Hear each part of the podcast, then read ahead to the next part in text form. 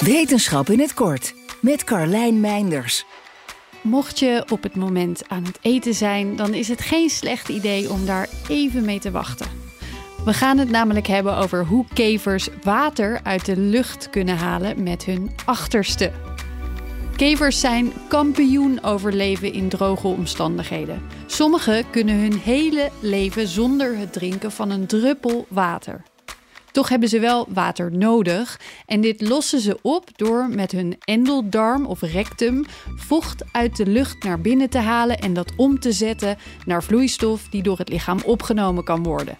Dat ze dit kunnen, dat wisten we al. Hoe ze het doen, nog niet. En dat willen onderzoekers wel graag weten. Niet om een hele leuke reden voor de kevers zelf, overigens, want ze willen het tegen ze gebruiken. Sommige kevers zorgen voor gigantische problemen in de voedselproductie. Ze zijn bijna onstopbaar gebleken als plaag. De hoop is nu dat de oplossing te vinden is bij de achterdeur. Onderzoekers hebben daarom het moleculaire mechanisme uitgeplozen waarmee het de kevers lukt om via hun achterwerk gehydrateerd te blijven. Gespecialiseerde cellen rondom de nieren, die op hun plek weer rondom de uitgang zitten, pompen zout de nieren in.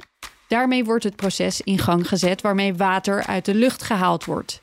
Ook degenen die dit aansturen zijn nu bekend. De volgende stap is uitzoeken hoe ze dit proces kunnen verstoren. Overigens halen de kevers niet al hun vocht uit de lucht. Ze zijn ook expert in het persen van vocht uit eten dat bijna kurkdroog is. Ze zijn mega efficiënt. Iets wat maar weer duidelijk werd toen hun ontlasting werd bestudeerd. Er was geen druppeltje water in te bekennen. Wil je elke dag een wetenschapsnieuwtje? Abonneer je dan op Wetenschap vandaag. Spotify is partner van Wetenschap vandaag. Luister Wetenschap vandaag terug in al je favoriete podcast-apps.